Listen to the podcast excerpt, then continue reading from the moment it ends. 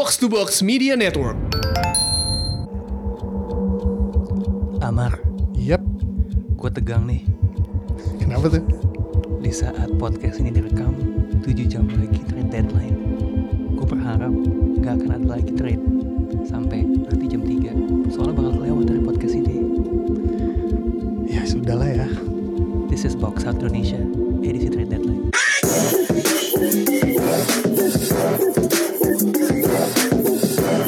Happy Friday, you're listening to Box Out Indonesia, po, apa most valuable basketball podcast di Indonesia bersama gue Raditya Alif. Seperti biasa ditemani Amar Gil, aka orang baik G-Spot, Gamal Sidarta, dan six man kita yang namanya artinya untuk menggagalkan Nabi, to fail Muhammad. Lu jangan bikin propaganda lah gitu. Bro, nanti kita di demo berjilid-jilid loh. ya udah masih mending daripada jongkos bola yang demo. Uh, Oke oke oke. Anyway langsung masuk ke pokok pembahasan uh, trade deadline bentar lagi. There are a lot of moves around the league ya. Pemain pindah ke sana, pindah ke sini, dipindahkan secara paksa. Uh, Tim-tim yang ingin menang sekarang uh, melakukan trade untuk memperkuat timnya dan tim-tim yang oh udah ngeliat wah gua hopeless musim ini kita mau membangun ke depannya sudah melakukan trade-trade. Um, yang menarik ya kalau kita lihat uh, trade yang paling besar itu ya Anthony Davis sampai detik ini masih duduk manis di bangku cadangannya uh, Pelicans memakai baju rapi. LeBron James di Lakers duduk di bangku cadangan tapi agak kepisah ya kalau di foto dari teman-temannya. Uh, malah sebaliknya bukan Lakers yang udah bikin big move tapi LA Clippers yang uh, menukar uh, Bojan nama panjangnya siapa sih? Boban. Boban. Boban, Boban. Marjanovic. Marjanovic yang gede banget itu. Tobias Harris uh, ke Philadelphia 76ers untuk Landry Shamet. Uh, Mike Muscala, Wilson Chandler sama ada dua draft pick di mana salah satunya unprotected ya uh, yang dari Miami Tahun picknya. 2021 ya. Ya, 2021. Eh gua mungkin ke Amar dulu nih. Ini aduh Philadelphia nih win now tapi menurut lo siapa yang win this trade? Em, sampai gua baca bahwa ada keseriusan Philadelphia untuk melakukan eh, perpanjangan kontrak terhadap Tobias Harris di akhir musim ini, gue tadinya masih menganggap bahwa ya ini agak-agak anti mainstream sih. Gue menganggap Philadelphia yang rugi gitu loh. Karena menurut gue Landry Shamet tuh lagi hot-hotnya gitu, loh, lagi bagus banget. Dan mereka memang kekurangan shooter. Jadinya gue menganggap bahwa sayang banget potensi ini dibuang. Wilson Chandler kemarin sempat cedera sih, tapi eh, dia cukup bahkan dia Dia starter kapan mulu kan. cedera?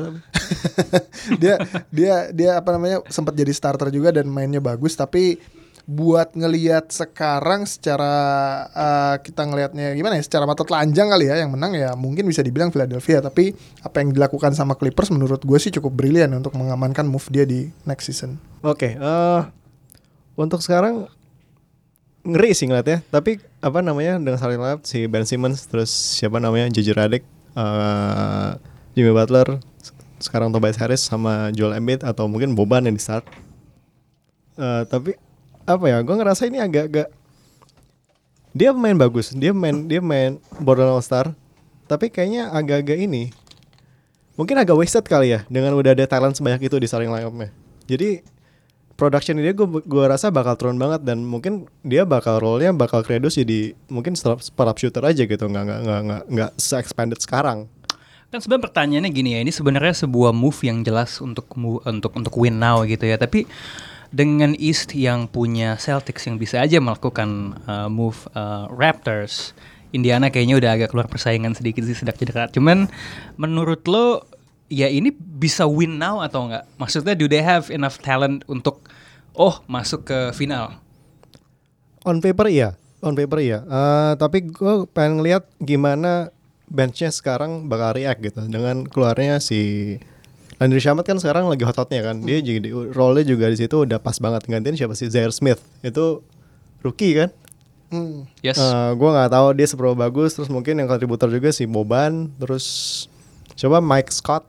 Mike Scott. Mike Scott ya dari Clippers. gua, gua gua nggak tahu dia siapa sebenarnya. Jadi gua nggak tahu dia bakal kontribusi apa. Gua pengen lihat ya maksudnya lu untuk menang championship apalagi ngelawan Boston sama ini lah, Boston sama uh, Bucks. Kalau si Toronto tahun ini gue ngeliat Oh ya bench mopnya, tadi lu bagus sebut. bench mopnya nggak sebagus tahun lalu kan. Hmm. Jadi apakah benchnya sekarang bisa kontribut banyak atau ya lu nggak mungkin starternya lu main 44 menit kan? Ya itu biasa ya lo mengorbankan sedikit depth untuk mendatangkan main bintang. Uh, Tufel kayaknya gue liat dari tweet lo lo sedikit mengarah ke Clippers dalam uh, menentukan siapa yang memenangkan trade ini. Yang menarik kalau buat gue Clippers tuh seolah-olah dia kan sebenarnya ada di persaingan untuk bisa masuk mungkin dapat seventh atau eighth spot ya di West. Gue lupa standing actualnya sekarang berapa. Uh, tapi dengan melakukan ini dengan melego uh, mungkin pemain terbaik mereka musim ini dan mendapatkan draft pick in a way Jerry West ya icon Lakers yang sekarang jadi salah satu executive board mereka seolah-olah bilang oke okay nih kita ngebangun ke depan bukan musim ini. Menurut lo gimana tentang pergerakan nih Clippers nih? Uh, basically gue ngeliat kayak si Clippers kayak apa ya? Uh, dia decide kalau mending gue deal Tobias Harris dibanding gue push playoff terus gue disikat Warriors di first round gitu loh. Ya udah mendingan uh, kita karena dia kalau nggak salah itu first round pick mereka tuh lottery protected kan. Jadi uh, mereka decide untuk tanking uh, untuk dapat lottery dan dia bisa deal Tobias yang which is expiring. Jadi dapat aset yang lo mention dapat aset untuk seorang star dia yang masih expiring. Kemudian uh, dengan tujuan dapat si lottery protected pick punya dia, kalau menurut gue itu bagus banget buat si Clippers dan Jerry West. Uh, ngomongin soal impactnya ke free agency uh, di off season nanti ya. Uh, kan Clippers uh, sebagai tim yang main di LA sering dihubungkan dengan pemain-pemain yang pemain-pemain besar dan pemain-pemain yang kampungnya di LA gitu. Yeah. Misalnya Kawhi Leonard now. Menurut lo this move tuh membuka peluang mereka sebesar apa untuk mendapatkan seorang marquee player? Tentunya uh, jadi nambah ya uh, karena mereka udah punya cap space untuk masukin max player dan dan yang lo mention tadi LA itu selalu jadi destinasi free agent somehow. Uh, tapi gue nggak yakin uh, pemain itu ke LA buat main ke Clippers gitu. Pasti uh, dorongan buat main ke LA itu pasti selalu ada di Lakers kalau menurut gue ya. Hmm. Uh, jadi ini mereka sebenarnya bisa uh, join hype untuk buka cap space aja ya untuk yep. uh, paling nggak bisa dapat meeting lah sama Kawhi atau sama Anthony Davis uh, dua tahun ke depan. Tapi untuk trade ini gue juga suka sebenarnya uh, Sixers nih nggak nggak bukan trade yang jelek buat Sixers ya kalau buat gue. Karena ini mereka uh, nambahin flexibility di offseason nanti karena Jimmy Butler kan free agent, sedangkan hmm. Tobias juga uh, free agent. Jadi mereka bisa milih nih antara Jimmy atau Tobias mana yang mana yang mereka bakal extend gitu karena Jimmy kalau gue lihat sih secara on court dia di lapangan gak terlalu fit bagus sama Ben Simmons gitu. Jadi kalau menurut gue ini bisa jadi audisi buat si Tobias untuk extend di Sixers dan ada kalau nggak salah ada suara dari Sixers juga kalau dia pengen main ini long term untuk nge-extend ini long term dari untuk buat Tobias gitu. Oke, soalnya dari apa yang gue baca itu menarik tuh. Berarti uh, Sixers ada dalam situasi di mana oh ke depannya harus memilih satu di antara keduanya. Yep. Karena memang dua-duanya akan menjadi free agent hmm. dan kemungkinan besar akan meminta max kontrak ya. Yes. Bahkan malah gimana? Si Sixers juga ada suara juga kalau mereka tuh mau keep empat-empatnya. Nah, itu is that possible? That's possible tapi luxury tax mereka bakal banyak banget.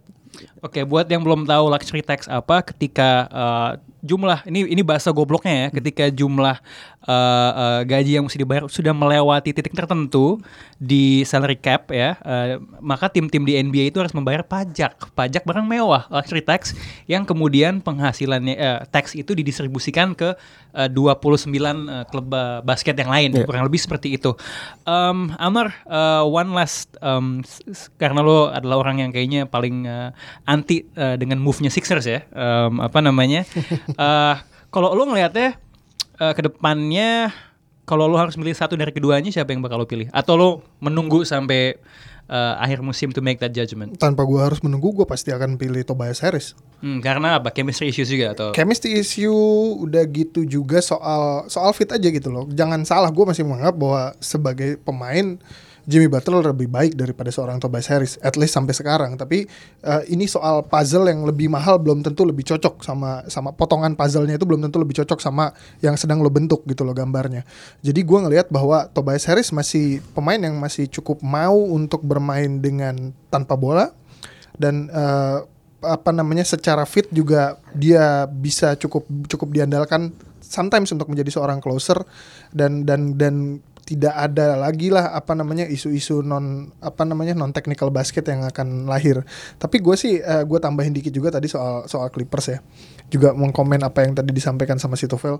Menurut gue justru ya, ya inilah briliannya seorang Jerry West sih menurut gue. Gue yakin banget dia punya big skema yang akan dijalanin gitu loh. Dan ngelihat bahwa LA memang sebuah destinasi yang dituju tapi memang secara tradisional bukanlah Clippers sebagai dambaannya pemain-pemain ini.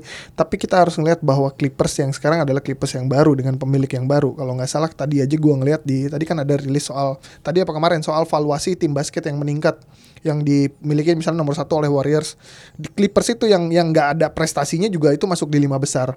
Maksud gue dengan kepemimpinan Steve Ballmer sebagai seorang owner dan ada adanya Jerry West menurut gue ini juga bisa menjadi salah satu uh, konsideran para pemain untuk coba mau main ke sana. Dan mereka bisa dapat LA anyway tapi nggak perlu main dengan harus me- merasakan drama-drama yang diakibatkan oleh adanya LeBron di Lakers. Oke, jadi insentifnya adalah ini adalah organisasi yang well run dan juga gue juga mau nambahin sih soal Jerry West kalau kita lihat track record dia di Warriors eh, bahkan di Grizzlies eh, limited success ya, tapi tetap aja kan dia keluar dari comfort zone Dan, dan sebagai dia ngelakuin ini silently man. Maksud Yes. gua Yoi. a- a- ini out of sudden kan kita dengar tiba-tiba deng Tobias Harris. Yes. Ya itu itulah maksudnya itu hebatnya dia salah satunya. Maksudnya kalau kalau Lakers tahu sendiri lah bumbu-bumbu dramanya kebanyakan gitu kan yang Yes. sampai akhirnya kita cuma ngerasain bumbu lauk pokoknya nggak kita makan gitu. Tapi ini emang juga organisasi yang sangat uh, well run ya. Selain Steve Ballmer tadi ya. Maksudnya yang lucu kan ini sebenarnya kontras banget nih dibandingkan dulu ketika ownernya Donald Sterling. Salah satu owner yang paling dibenci di NBA, Rasis rasis, kan. sampai di kick gitu. Uh, gue juga suka dengan dia nge-hire Lee Jenkins ada salah satu petingginya apa namanya Sports Illustrated, uh, jurnalis untuk jadi semacam orang yang megang branding uh, klubnya. Um, mungkin dari ngomongin soal organisasi yang sangat profesional, yang sangat disukai dan valuasinya meningkat, kita ngomong soal salah satu organisasi paling kacrut di NBA menurut gua. New York Knicks. Ini Tufel langsung ketawa nih, soalnya dia fans Mavericks gitu kan, dapat sesuatu dari situ. Um, Oke, New York Knicks uh, menukar unicorn Kristaps Porzingis with cap space. dengan cap space ke Dallas Mavericks uh, mendapatkan uh, DeAndre Jordan, um, Dennis Smith Jr. Siapa lagi sih? Gua- Wesley Matthews. Wesley Matthews. Siapa lagi ya? Ada ada some Um, draft picks atau enggak ya? Udah Sama sebaliknya, kan? sebaliknya kan Mavericks yang Mavericks dapat juga tim Mavericks Hardaway. Junior. Oke, eh, gua mau ngomongin eh, ke Gamal dulu deh. Gimana menurut lo soal Knicks ini? Ah, apa ya? Lucu sih menurut gue. Apa namanya? eh, dia, dia langsung kesel soalnya mematahkan teori dia soal Anthony Davis. Minggu lalu iya.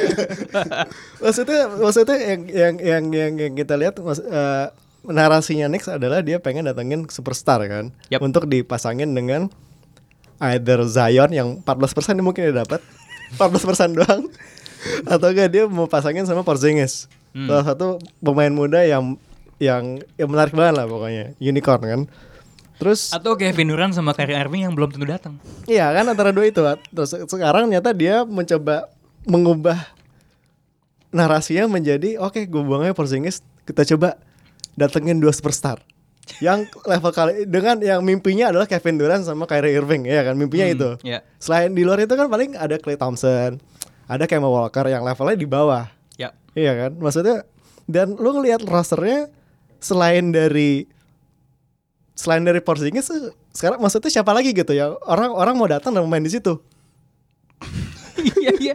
Untuk organisasi dengan owner yang paling di, di dan, dibenci dan, di dan maksudnya untuk untuk untuk janji oke kita masih punya chance untuk dapat uh, first first pick untuk dapetin Zion. Itu kan juga masih kecil banget masih belum masih belum belum pasti gitu. Jadi apa gitu jadi maunya apa gitu sih Gue memperhatikan eh, ada eh, semacam narasi kecil di media. Gue nggak tahu apakah ini karena PR-nya Knicks atau apa, tapi beberapa jurnalis yang kebetulan berbasis di New York, kayak Stephen A. Smith kan dia orang New York gitu kan, Eh, itu kelihatannya bilang kalau oh ini sebenarnya ada sisi positifnya, ada cap space, ada kepercayaan yang sangat tinggi di kalangan internal New York Knicks. Ini semua nggak bisa diverifikasi. Kalau ada yang bilang DeAndre Jordan temennya Kevin Durant, Kan gitu. tahun tahun 2010 juga mereka kayak gitu kan mereka clear cap space buat ngasih duit ke LeBron, LeBron iya. ternyata yang dikasih duit banyak adalah Amare Salmadar yang cuma main dua musim cedera sama Melo Eh, Oke, Marlo ada eh, satu dua petua kata untuk New York Knicks.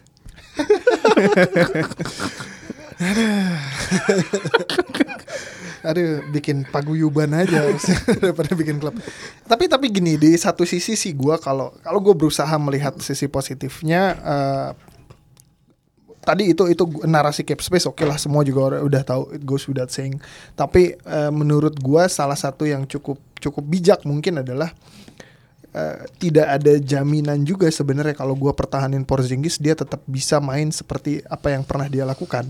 Ya, karena ya. karena agak su gue sih belum inget ya mungkin lo bisa pada bantuin gue untuk merimain siapa pemain dengan tinggi 7 kaki eh 7 kaki 3 inci yang pernah eh, eh, cedera ACL kehilangan waktu main semusim lebih tapi balik bisa dengan performa terbaiknya lagi gue sih nggak inget DeMarcus Cousins bakal kayak gitu nggak?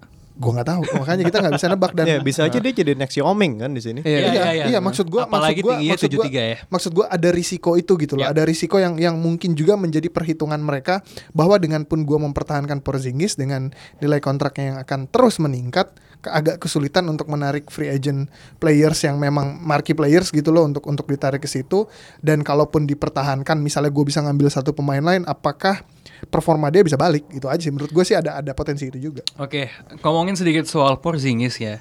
Ini kan lucu nih musim trade ini udah mulai banyak pemain-pemain NBA yang setelah di trade atau apa di sosial media eh, ngelempar-ngelempar shade eh, apa namanya eh, post-post no mention tuh. Nah, gue melihat kalau kayaknya PR-nya Knicks itu berusaha bilang kalau oh Porzingis yang minta di trade, dia yang mau keluar, dia yang mau cabut, dia udah nggak betah. Walaupun gue agak bertanya-tanya ya, karena ini pemain yang kayak lu bilang tadi nih uh, punya cedera akan menjadi restricted uh, free agent kan. Berarti kalau misalnya dia jadi free agent di Knicks ya bisa di match gitu kan. Uh, tapi dia kayaknya mengindikasikan kalau di lewat sosial medianya kalau enggak men ini bukan seperti apa yang baca, ya, Boy. baca di media gitu dan ada juga selentingan kalau kalau uh, si si Porzingis ini sebenarnya secara aktif sudah ditawar-tawarkan sama New York Knicks ke ke ke tim-tim lain.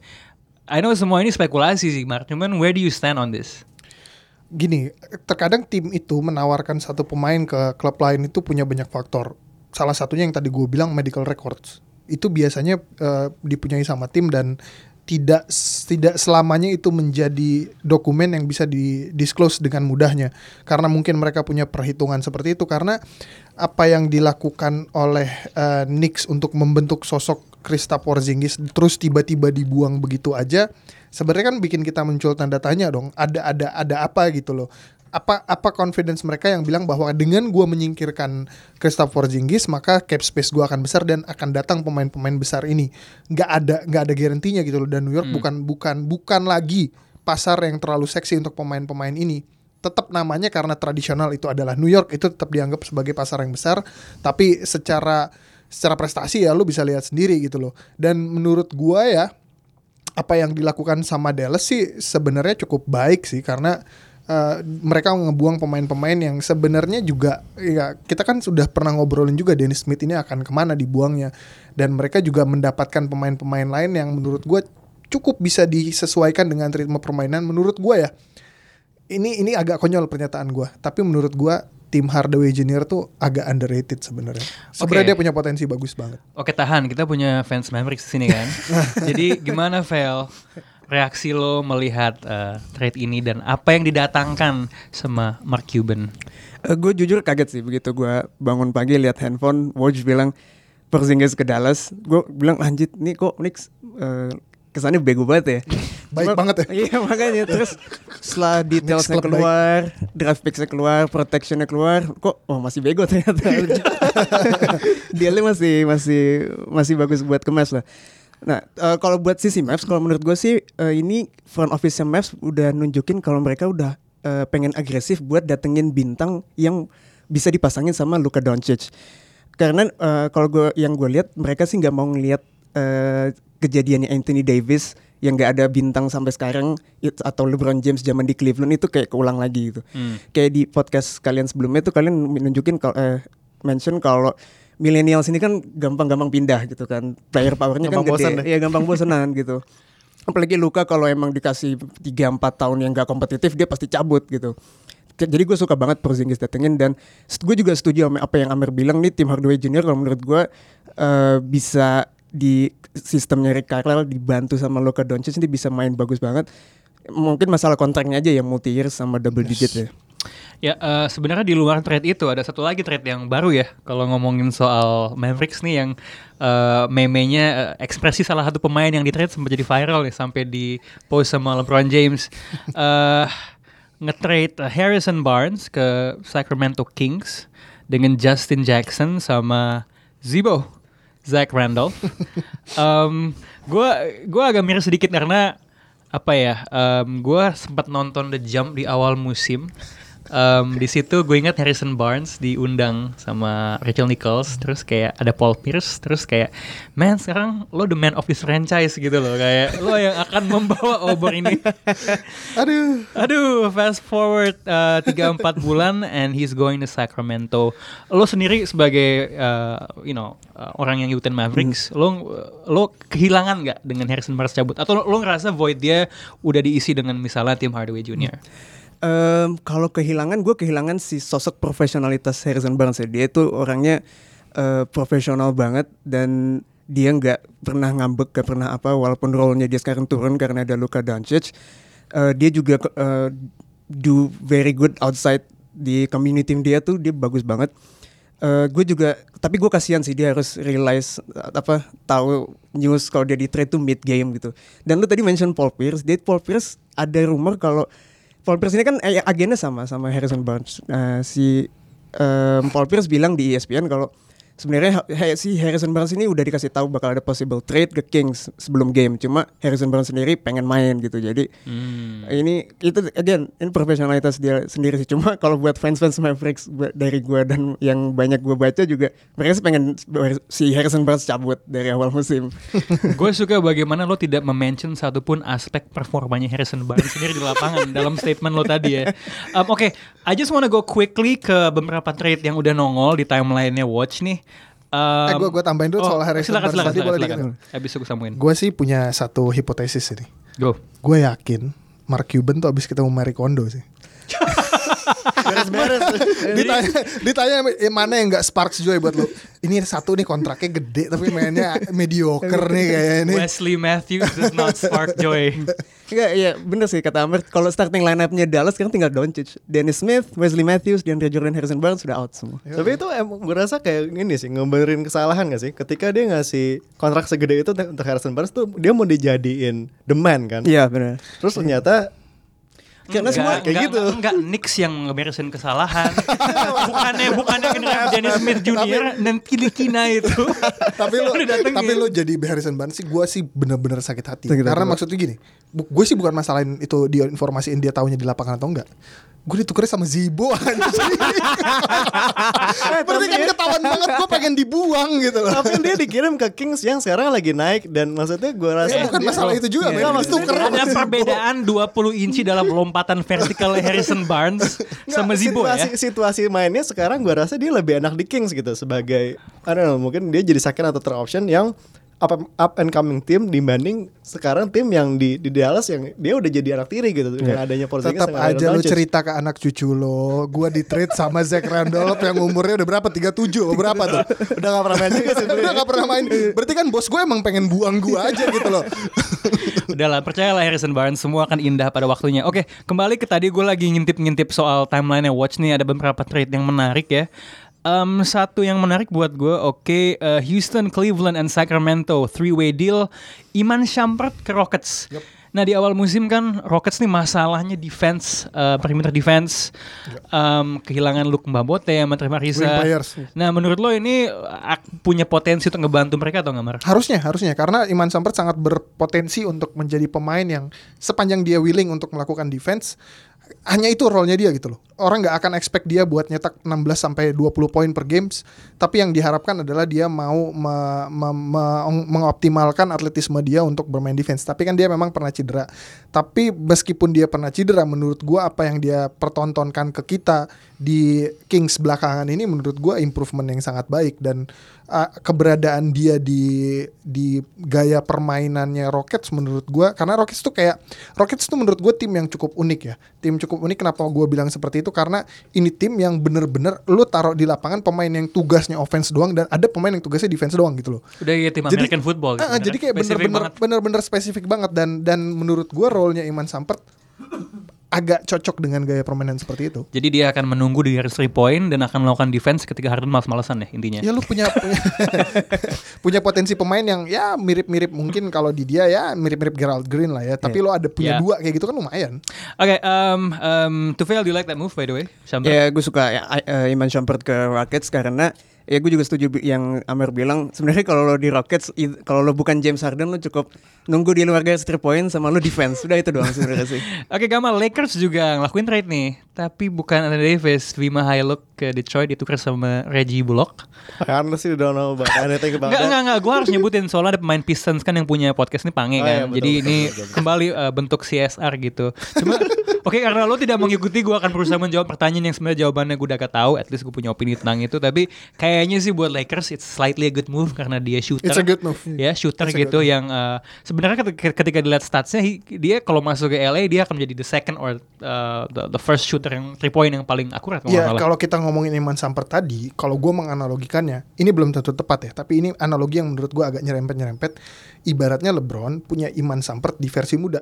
Ah. Ini kan mirip-mirip gaya permainan mereka Ya. tuh agak-agak mirip, versatile soal defense, atletik, panjang, eh, bisa nembak juga. Jadi cocok dengan dengan rumusan gaya bermain LeBron. Oke, sebenarnya uh, tadi gue mau nyebut trade Detroit yang lain, tapi entah kenapa Lakers sama Pistons ini men sama Milwaukee. Stanley Oh, iya. Johnson Sama ke Thon Maker. Milwaukee Sama Thon sama Maker. Thon Maker to fail. Do you like that move? ya meh aja sih kalau menurut gue. Biasa Cuma aja, B aja. Cuma dua pemain yang pindah. B aja sih, tapi B kayak aja, oke. eh, seimbang lah buat dua-duanya. Gue cuma punya satu pertanyaan soal itu karena kita ngelihat Chris Middleton yang setelah pindah dari apa namanya uh, Detroit di Milwaukee jadi lumayan kan. Gue penasaran aja sih Stanley Johnson ketika keluar dari sistemnya Detroit tuh bakal jadi mendingan atau enggak. Dan kejadian beberapa jam setelah podcast ini direkam, Stanley Johnson yang baru di-trade ke Milwaukee, di-trade lagi ke Pelicans untuk Nikola Mirotic. Sekarang lu bayangin deh, Giannis Antetokounmpo punya stretch 5 dalam Brook Lopez dan stretch 4 dalam Nikola Mirotic. Luar biasa. Eh, satu trade lagi nih, ini berhubungan dengan kontrak yang agak dipertanyakan Otto nih. Porter. Otto Porter cabut ke mana sih dia? Ke Bulls, Bulls. Ke, ke Bulls ya, ditukar sama Bobby Portis. Bobby, Bobby Portis sama si siapa namanya satu lagi? Ah, Eh, coba coba Jabari coba Parker. scroll. Jabari, Jabari. Jabari. Oh Jabari Parker. Nggak ada defense juga sama sekali itu. Gimana tuh Mar? Apanya nih? Eh, eh, gimana? Do you like that trade or not? Atau B aja siapa Gua, yang unggul? em, em, em, em, em, em, em, pemain pemain bah gitu terus dipindah antara dua tim bah gitu kayak oke tapi tapi apa yang dilakukan sama kayaknya sih gue ngeliat memang Washington punya itikat banget buat bersih bersih sih ya. Kayaknya mereka udah menganggap bahwa core yang dibentuk kemarin-kemarin ini yang berusaha dipertahankan nggak akan memberikan apa-apa. Dan eh, kelihatan mereka berusaha untuk ngebuang kontrak sampah. Walaupun sebenarnya nilainya Jabari Parker ya juga lumayan. Tapi tapi paling tidak itu bisa diminimalisir. Gue sih lupa ya dia kontraknya sampai tahun berapa.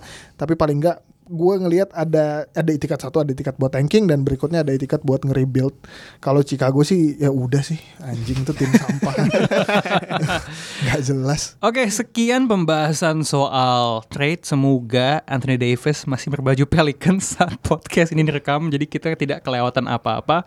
Eh, Atau kalau ada semoga dugaan Amar benar di off season ya. Kalau tadi kita ngomong soal trade, em, di segmen 2 nanti kita ngomong soal opini orang, take Sekarang jam 3 pagi persis sekitar waktu trade deadline dan Toronto Raptors mengirimkan Jonas Valanciunas, Dallin Wright, CJ Miles, and a draft pick ke Memphis Grizzlies untuk mendapatkan Marc Gasol. Anjing gue ngantuk banget. Kembali ke podcast. Welcome back to Box Out Indonesia. Sang kita ada segmen namanya Take Talks. Jadi kita ngomongin soal opini orang. Tapi tenang, orangnya udah kita sortir. Eh, ada yang terkenal banget, ada yang terkenal lumayan, dan ada yang lumayan terkenal. Eh, yang pertama, King James nih ngepost di Instagram eh, mukanya Harrison Barnes ketika dia di lagi di bangku cadangan nggak dimainin ketika dia baru tahu soal dia di trade ke Sacramento Eh, captionnya sebagai eh, demikian ya. So let me guess this is cool because they had to do what was best for the franchise right? Traded this man Harrison Barnes while he was literally playing in the game and had zero idea. I'm not knocking who traded him because it's a business and you have to do what you feel what's best, but I just want this narrative to start to get real, change, and not when a player wants to be traded or leaves a franchise that he's a selfish or ungrateful player, but when they trade you, release, wave, cut, etc., it's best for them. I'm okay with, bo- with both, honestly. Truly am. Um, Oke, nanti bakal banyak bilang gue terlalu banyak ngomong bahasa Inggris. Uh, Hati-hati di- komen YouTube. Yes. Eh nggak ada ya ini kalau ini ya. nggak ada, aman. ada, nggak ada Mar. Eh, gue kalau dulu Mar, ini ini konteksnya apa dia ngomong ini? Konteksnya sebenarnya dia sedang mengemphasize apa yang bisa dibilang dan dianggap orang di inisiasi apa yang dia lakukan di tahun 2010 di mana dia uh, membuat uh, narasi di NBA agak bergeser di pada saat itu uh, pemain sangat dimiliki dan dikuasai dibudaki bahkan mungkin kalau beberapa komen pilihan orang katanya kalau kalau itu soalnya gue ngikutin tweet warnya Rana soalnya sama coach Justin Itu diskusi, itu, itu diskusi, come on man. Jadi panas. iya dan dan ya, dan narasi itu diubah jadi bahwa pemain memiliki power sendiri untuk menentukan nasibnya gitu. Mungkin kalau bahasa hukumnya right to self determination gitu. dan, dan dan dan apa yang apa dia dia dia juga dia juga sangat memahami konteks dari bisnisnya tapi yang dia mungkin yang dia di sini bicarakan adalah jangan pernah lo bete sama pemain, marah sama pemain saat dia minta di trade. Tapi tim itu memiliki hak kapan pun setiap detik dalam momen apa pun untuk mem- mem- membuang satu pemain ke tempat lain gitu. loh. Gue setuju maksudnya gini loh. eh, I think what he's trying to say adalah it goes both ways gitu loh. Yes. Jangan lo nyalain pemain ketika dia mau pindah dan lain sebagainya. Tapi yang gue pengen tahu Gamal, dia ngomong kayak gini dengan timing yang kayak gini. Ini purely karena Iba sama Harrison atau karena ada situasi yang di mana ada pemain yang dia inginkan bermain dengan dirinya masih belum datang sampai detik ini. Jadi dia mesti ngelempar shade kalau bahasanya anak hip hop. Mungkin bukan lempar shade ya, Tapi tapi, apa? eh, LeBron ini kan asal, salah satu pemain yang sangat concern dengan image-nya. Dia gue yakin punya tim PR sendiri gitu. Ini adalah salah satu gue rasa sebuah calculated PR move gitu. Jadi dia bisa ngekritik apa yang sedang terjadi di NBA sekarang. Itu jahat sih menurut apa menurut, menurut gue untuk nge-trade orang di tengah-tengah game dia lagi lu harusnya konsen ke game lu harusnya fokus gimana caranya lu bisa ngebantu tim lu untuk menang di saat itu tapi tiba-tiba lu di trade pasti itu kan bakal mengaruhi lu sendiri dan uh, chemistry sama teman-teman teammate lu kan selain itu juga apa namanya dari gue ngomong apa ya. Mempengaruhi chemistry sama Ya, teman-teman. dan, dan tem- apa? Ya maksudnya dia mau mengkritik itu dan sekaligus yang tadi Amar bilang dia kayaknya lebih pengen bukan bukan bukan masalah ID tapi masalah dengan diri sendiri gitu. Dan mungkin orang-orang kayak yang bilang KD Snake gitu-gitu sih. Oh, ini KD yang sama yang bilang lingkungan di samping LeBron ini toxic ya. Iya Oke, tadi lo mention soal chemistry nih tuh, Vel. Yup. Tapi kalau gue lihat body language di bangku cadangan eh, LA Lakers ketika dibantai beda 46 poin lawan Indiana yang gak ada Oladipo kemarin dengan LeBron James tuh ada kayak tiga saf lah ya di Yep. antara dia di antara dia sama sama teman-temannya. Do you think something's wrong with the Lakers dengan situasi kayak gini? Eh, kalau menurut gua sih ini eh gimana ya? Kalau untuk komen dia ke Harrison Barnes, kalau menurut gua itu LeBron the player yang ngomong. Nah, sedangkan eh bagaimana dia mengimbas chemistry Lakers itu LeBron the GM efeknya gitu. Nah, ke gala- beberapa hari sebelumnya si Poin GM. si LeBron itu ditanya sama jurnalis kalau eh, menurut kal menurut lu gimana kalau rumor-rumor yang berada di Lakers sekarang gimana efeknya buat bocah-bocah muda yang di Lakers dan si LeBron bilang eh, kalian harus tanya mereka langsung gua nggak pernah ada di situasi itu dan eh, kalian harus tanya dia langsung tapi sedangkan Harrison Barnes begitu dia di trade mid game dia langsung post IG pakai caption yang player kasih, yang, yang pro player gitu loh ini kan ada tone deaf kalau menurut gua sih dia Uh, tone deaf bahasa that's strong, bro. jadi eh, ya si LeBron tuh emang leadership stylenya emang pasif agresif gitu ya kalau gue lihat-lihat sih. Dia juga eh jadi kalau kalau menurut gue sih chemistry dia eh, di Lakers karena efek dia nge main-main sama Rich Paul sama Anthony Davis aja itu. Gimana nih soal LeBron sama Lakers yang belakangan ya Narasi soal foto dia duduk sendiri di pojok itu lo harus lihat dong detailnya gimana. Oh silakan silakan. Kupas tuntas semua angle ya, semua angle ya. Foto itu diambil pada saat kuarter keempat menit Garbage kelima lima puluh. Dia udah duduk di situ. Tadinya sebelah dia itu ada KCP kalau nggak salah.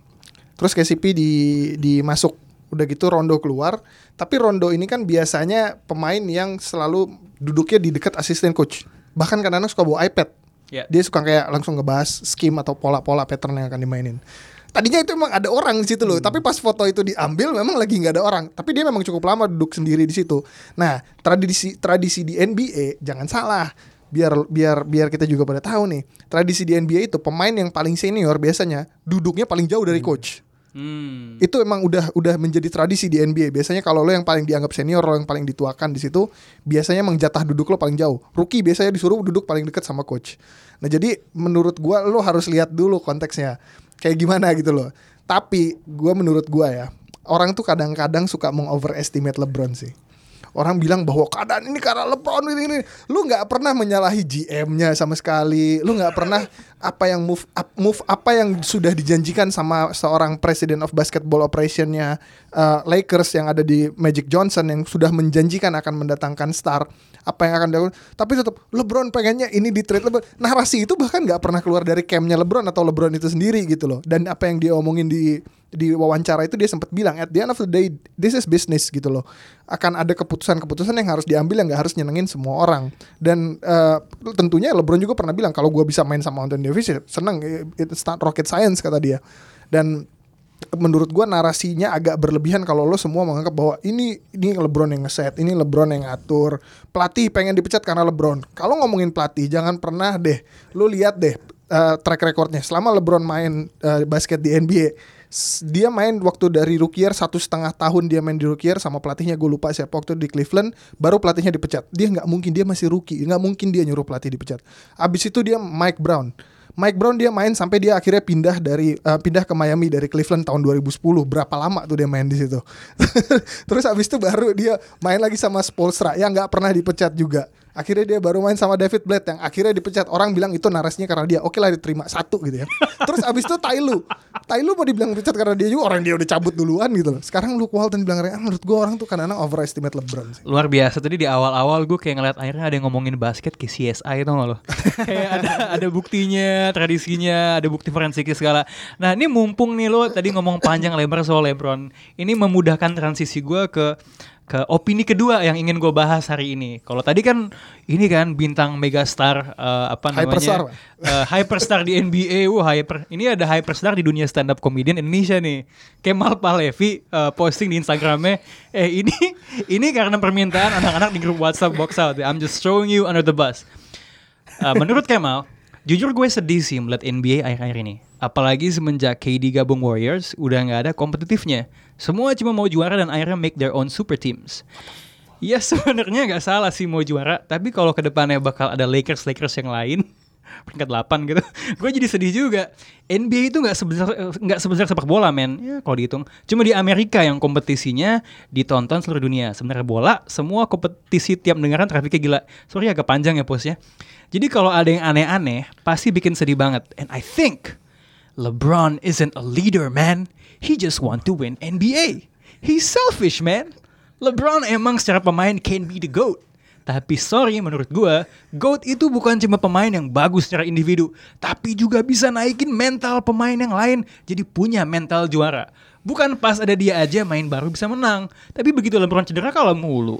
Michael Jordan pernah berhenti dari NBA, Bulls tetap masuk final wilayah. Walaupun kalah sama Knicks ya, tapi mental yang ditularkan Jordan masih nyampe di Bulls. So about the GOAT, I will still choose Michael Jordan over LeBron. Eh, belum selesai. Kobe over LeBron. Oh my God. Period. Sorry. Amar waktu dan tempat saya persilakan.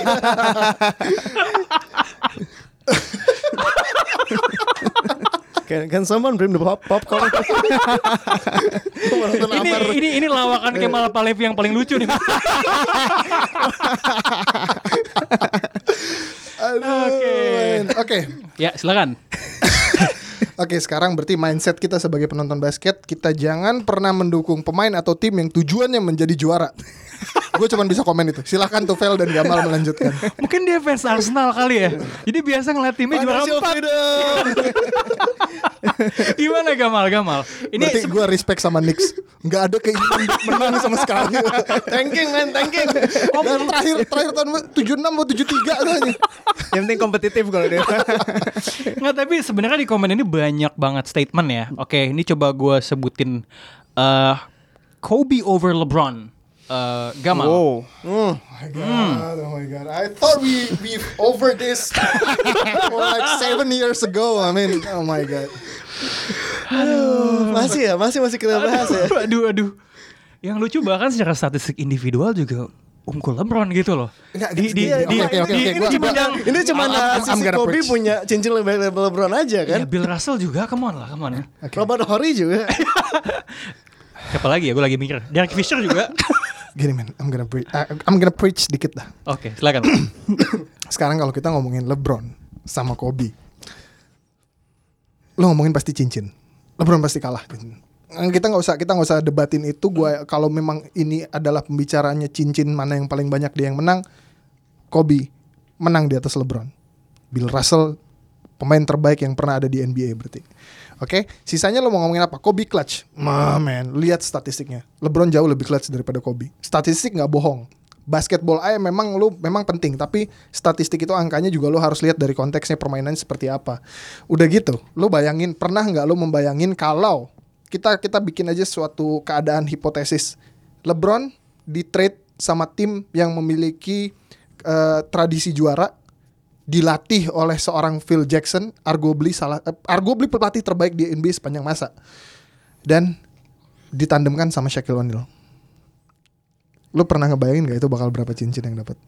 Kalau seharusnya kalau Shaquille O'Neal sehat, seharusnya lebih banyak lagi sih menurut gue. Dan kalau mereka dua gak drama ya. Iya, Iya. nggak Oh, berantem. Dan bahkan setelah Shaquille O'Neal ciao, dia masih disupport Lakers dapetin Pau Gasol nuker Kwame Brown gitu. Salah satu perampokan terbesar gitu kan dalam sejarah NBA. Tapi gue ngerti sih maksud lo adalah lo harus ngelihat sumber daya yang main di samping uh, Kobe, fasilitas yang dia dapatkan Nggak, dibandingkan gini, gini, dengan gini. apa yang dapatkan LeBron gitu Kalau kan. gue dari dulu ngelihat kalau yang namanya championship, yang namanya cincin itu bukan eh, Individual. bukan, individual eh, apa namanya achievement, tapi kalau lu bisa menang championship itu adalah sebuah prestasi dari tim gitu. Kolektif. Semuanya dari front office, coach, players sampai mungkin lunch lady juga bisa ngasih nutrisi yang baik ke pemainnya mungkin ya gue nggak Iya. tahu. Pokoknya itu top semua uh, organizational achievement top down gitu, bukan nggak bisa itu lu jadikan tolak ukur untuk mengukur kehebatan seorang main gitu sih.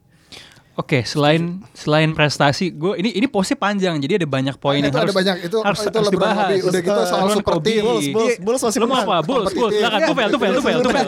Enggak gue bingung aja sih kenapa dia startnya dari KD Warriors terus tiba-tiba endnya bisa Kobe over LeBron. itu jauh banget ya semua. Terus ngomongin KD atau jangan sama Lakers Lakers yang lain. terus tiba-tiba ada LeBron isn't a leader. He just want to win. He's a selfish man. Kok dia attack personally gini loh gue bingung. Dia kenapa ya?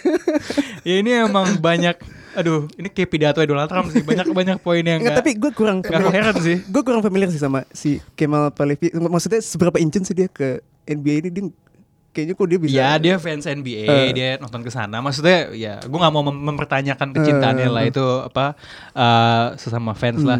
Eh coba-coba.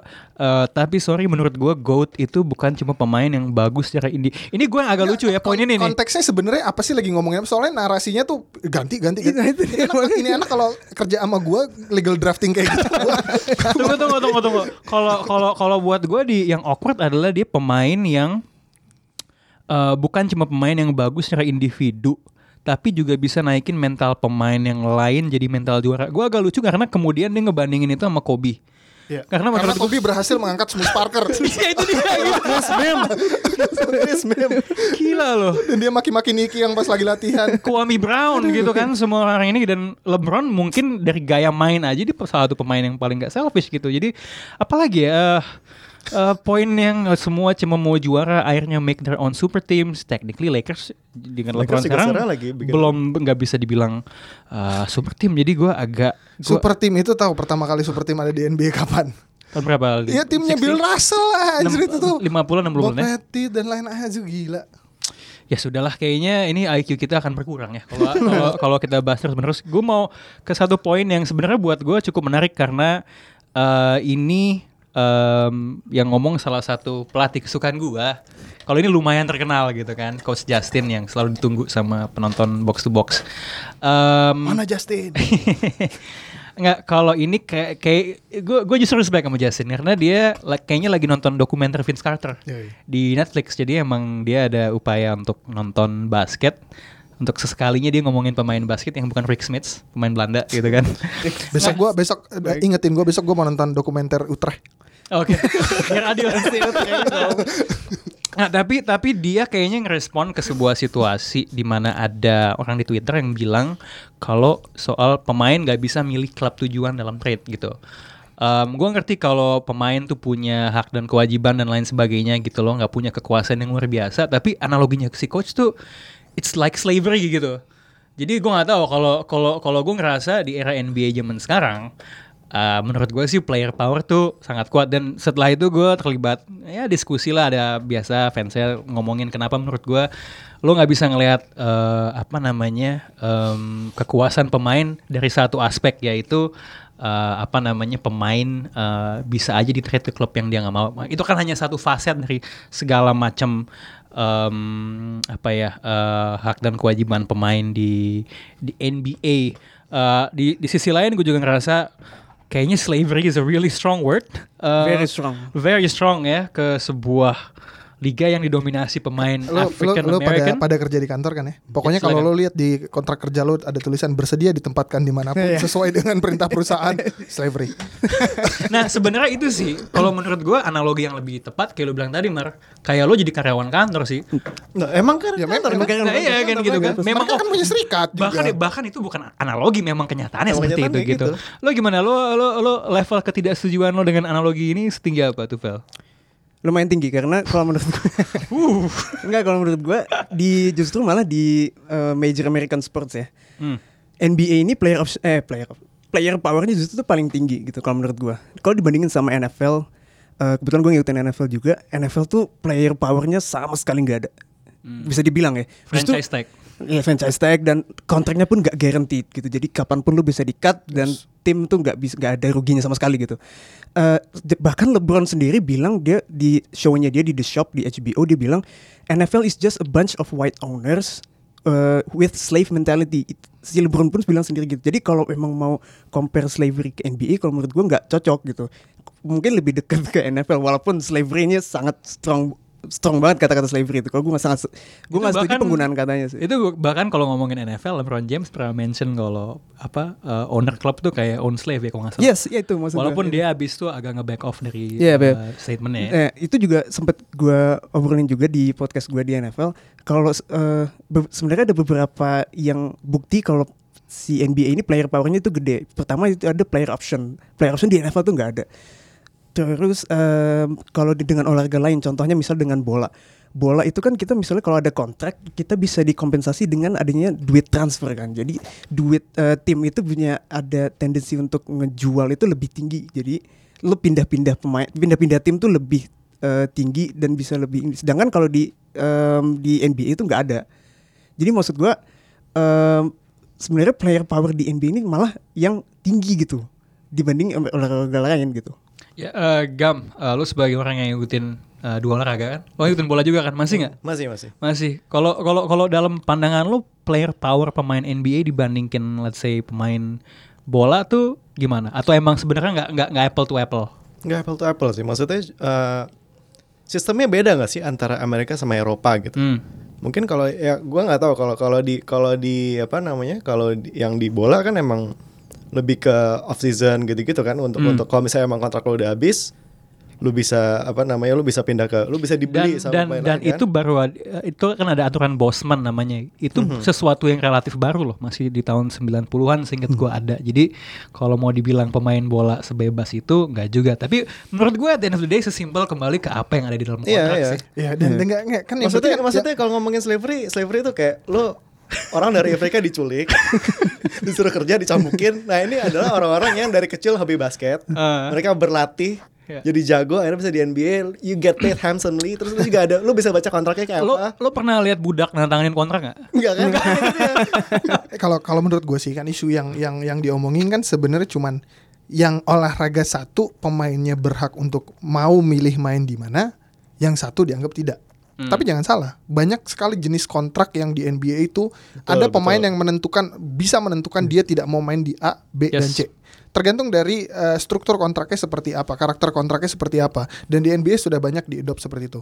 Dan kalaupun kita bisa bilang segitu, yang menurut gua ya, gua mungkin akan diserang habis ini. Menurut gua yang mirip perbudakan justru sebenarnya di bola. Karena lu ngambil budak dari Karibia, lu jual lu jual di Virginia dengan harga yang jauh lebih mahal. Lu ngambil pemain yang tadinya dari mana lo lo lo tahan di situ ketika ada klub besar mau ngebeli karena tidak ada sistem cap space, tidak ada sistem trade pemain yang apple to apple, maka itulah di situlah perbudakan. Makanya jauh korupsi yang terjadi jauh lebih besar di industri bola daripada di industri basket dan kompeti- kompetisinya kita bisa ngelihat lu kalau kalau kalau kita ngomongin deh nggak usah jauh-jauh 10 tahun lalu. Siapa sih yang tahu Golden State? Lu pasti tahuin cuma ada Baron Davis sama Monte Ellis di situ. Tapi sekarang ini jadi kekuatan yang sangat dominan dan kita nggak bisa nebak. Bisa jadi di lima tahun ke depan kita ngelihat Sacramento Kings lah yang menjadi Golden State-nya sekarang eh, Golden State saat itu nanti gitu loh. Jadi menurut gua eh, nggak nggak nggak tepat sih kalau gitu. Gue mau jump on ke poin lo yang tadi karena menurut gue menarik nih di eh, situasi bola yang ada trade itu berhubungan dengan bagaimana eh, NBA dan liga-liga major Amerika lainnya tuh berusaha menciptakan parity. Jadi semuanya bersaing secara sehat dengan sumber daya yang sama. Dan menurut gue itu yang sebenarnya menjadi aspek yang paling menarik dari eh, dari following American sports malahan gitu. Eh, bahkan dengan situasi di mana pemain mungkin dalam situasi tertentu tidak bisa memilih trade spot walaupun sekarang punya banyak keluasan seperti yang lu bilang tadi. Karena jadinya orang harus pinter-pinter nge-manage dan ngelola aset yang yang dia punya. Um, dan uh, role seorang GM menurut gue itu jauh jadi lebih menantang levelnya Yes. dibandingkan kalau di bola tuh ada director of football namanya kan karena gue gue bahkan kalau gue mencoba membayangkannya dari klub-klub bola yang yang yang gede ya yang gue bisa bayangin hmm, kayaknya dia bisa bagus jadi jadi GM di di NBA itu bukan uh, director of football klub-klub gede kayak misalnya Barcelona atau Real Madrid atau lain sebagainya tapi yang pernah menang melawan kompetisi yang spendingnya lebih banyak kayak Dortmund misalnya atau Tottenham atau Sevilla but that is for another uh, discussion Tapi gue tanya deh satu silakan, kalau silakan. lo sebagai orang yang lebih ngerti soal sepak bola, ada nggak di bola yang namanya no trade clause? No trade clause gue lagi mikir pff. ada tunggu ada buyback Kayaknya Nggak ada kan? minimum Clause. fee release Berarti- clause tuh nggak nyampe. Berarti lebih lebih Gua lagi lebih mikir- sangat sangat Iya. sangat sangat me- mengedepankan eh, apa namanya ke- eh, gimana ya ke kesenangan pemain lah berarti si NBA ini karena ada no trade clause Iya. tapi nggak semuanya bisa punya itu gitu loh. gue lagi struggling buat nyari equivalentnya karena trade sendiri kan nggak ada kan Iya, Um, iya. Maksudnya tidak dia punya hak Iya. untuk tidak dijual atau Bisa dipindahkan veto ke klub lain gitu. Dia bisa veto. dugaan gue sih sebenarnya adanya tuh no buy ada ada exit clause uh, no buy clause misalnya kalau pemain tertentu tapi itu kembali ke kesepakatan misalnya dia punya exit clause uh, 60 juta gitu selama penawaran yang masuk ke dia di bawah di bawah angka itu walaupun itu akan menguntungkan untuk klub nggak akan dijual setahu gue tapi tapi gue gua gua gua kurang tahu soal detail apa namanya kontrak bola sih bagaimana oke pemain mesti sepakat tim sepakat dan lain sebagainya. Tapi gue justru pengen balikin ke yang lo bilang tadi nih kalau Golden State 10 tahun yang lalu dan lo bisa lihat di di di bola tuh selama 20 tahun jumlah juara Liga Inggris ya gitu-gitu aja kan. Paling pengecualian cuma Leicester. Leicester, gitu kan. Sama Blackburn. Li- Blackburn? Liverpool aja. Blackburn, Blackburn dan juga kapan sih? 95 dan 95 dan Blackburn ketika dia menang termasuk tim yang spendingnya banyak. Gitu untuk untuk untuk masa itu saat gitu. itu. Liga Spanyol lebih parah lagi lah cuma tiga eh, cuma tiga atau empat juaranya. Dan biasanya Barcelona atau Madrid. Liga Jerman jangan ditanya. PSG mungkin akan menang setiap tahun gitu kan. Jadi gue ngelihat sistematika sebuah liga yang menciptakan berusaha menciptakan parity dengan salary cap dengan trading dengan em, satu hal lagi itu dengan apa sistem draft di mana tim-tim yang yang paling buruk punya kesempatan merekrut pemain yang besar justru gue melihat lebih ada apa ya istilahnya ada keadilan di sana sih dibandingkan Iya. uh, dan European dan di sports. basket tuh nggak ada oligarki modal. Ya nggak pengaruh modal lo mau kayak gimana sepanjang lo sudah ditentukan cap space lo berapa ya itu itu lo tetap bisa melakukan kalau di bola bener-bener oli- oligarki modal dan itulah yang sebenarnya menciptakan budak-budak Iya. Ya, kalau ngomongin budak lagi kita misalnya banding sama bola ya. Bola kan ketika lo mau beli pemain lo bayar ke klubnya kan. Lo bayar ke ownernya. yes Hmm. Sama lo beli budak juga gitu kan. Lo bayar ke ownernya. Ya makanya gue bilang ngambil budak dari Karibia harganya murah dijual di South Virginia yang harganya lebih mahal. Lumayan buat Iya. ngambil-ngambil kapas. That's- Tapi kalau menurut gue ya, kalau lagi ngomongin player power, eh, player power sendiri kan sebenarnya kalau menurut gue sih muncul karena ada leverage dari si pemain ya. Misalnya pemain itu jago banget atau kontraknya eh, dari seberapa jago di lapangan, seberapa lama kontraknya sama seberapa murah kontraknya kan. Kalau menurut gue gitu, ada beberapa faktor kayak gitu. Cuma eh kayak contohnya ambil pemain cupu di NBA lah, contoh Nick Stauskas. Walaupun NBA emang di pro pemain, tapi Nick Stauskas yang cupu kan dia nggak bisa milih gue mau trade Nggak ini, punya gue mau trade leverage. ini, nggak punya leverage Hmm. gitu loh. Hmm. Nah, maksud gue untuk menentukan pemain eh, membandingkan satu atlet olahraga satu dengan olahraga lain, ada perlu faktor tiga itu yang gue bilang itu tadi gitu loh. Jadi kita nggak bisa langsung eh, langsung eh, compare si pemain LeBron James sama eh, Lionel Messi gitu. Eh, itu kalau menurut gue eh, Nggak apple to nggak apple. to apple gitu. Dan dan kalau ngomongin gue tambahin sedikit, kalau player power sebenarnya sudah diterapkan di NBA jauh lagi sebelum apa yang dilakukan sama LeBron. Apa yang gue ini yang gue ingat mungkin di sebelumnya ada yang gue pernah sampaikan di tahun 74 Karim Abdul-Jabbar tuh minta di trade dari Milwaukee Milwaukee. Bucks ke tim yang mempunyai potensi untuk men- mendapatkan juara. Dia dari masa rookie dia selalu mendapatkan uh, apa namanya jatah untuk main di All Star, tapi dia nggak nggak punya kesempatan buat menjadi uh, pemain yang bisa membawa cincin kejuaraan secara konsisten. Akhirnya di tahun 75 lah baru di trade oleh Milwaukee Bucks dia ke Lakers. Dan itu itulah itu menunjukkan player power karena dia punya leverage seperti yang tadi si Tovel bilang. Satu poin terakhir yang menurut gua paling membedakan dengan budak tadi lo udah agak menyinggung sedikit soal serikat pemain ya. Ada players union yang sebenarnya ketika kita ngomong soal aturan-aturan yang ada eh, itu adalah hasil negosiasi antara ada, ada istilahnya collective bargaining Yes. agreement antara Kalau asosiasi di Indonesia itu pemain. PKB, peraturan kerja bersama. Tapi itu bahkan sesuatu yang kalau tadi bahkan eh, analoginya karyawan kantor, gue sih tidak ada kesempatan melakukan itu di kantor gue sendiri sih. Kayak maksudnya menurut gue itu indikasi kalau ya pemain at least sebagai sebuah sebuah eh, body bahkan bisa menentukan peraturan-peraturan yang eh, mendefinisikan mereka dan bagaimana mereka harus bertindak. Jadi ya tadi kalau misalnya gue nggak pernah ngeliat budak bikin kontrak, gue nggak pernah lihat tuh budak duduk bareng sama majikan bikin peraturan gitu loh. Itu sesuatu yang gue sih nggak pernah lihat. Uh, any last words on the matter? Atau kayaknya kita semua sebagai fans basket sudah sepakat kalau kayaknya ini analogi yang gak aneh. yang memperbudak pemain tuh terlepas gaji lu berapa, terlepas sebesar lu apa, itu pelatih men. Orang yang gajinya mungkin setahun 40 juta dolar, kalau pelatihnya nyuruh suicide, suicide. Tom Thibodeau dan Gorgie Deng. Oke, ya udah that's all the time we have buat box out kali ini. It's been great talking about a lot of stuff. Makasih to Phil. Thanks, man. Thank you Gamal. Thank you. Dan as always terima kasih Amar. This is Raditya Alif, box out and we out.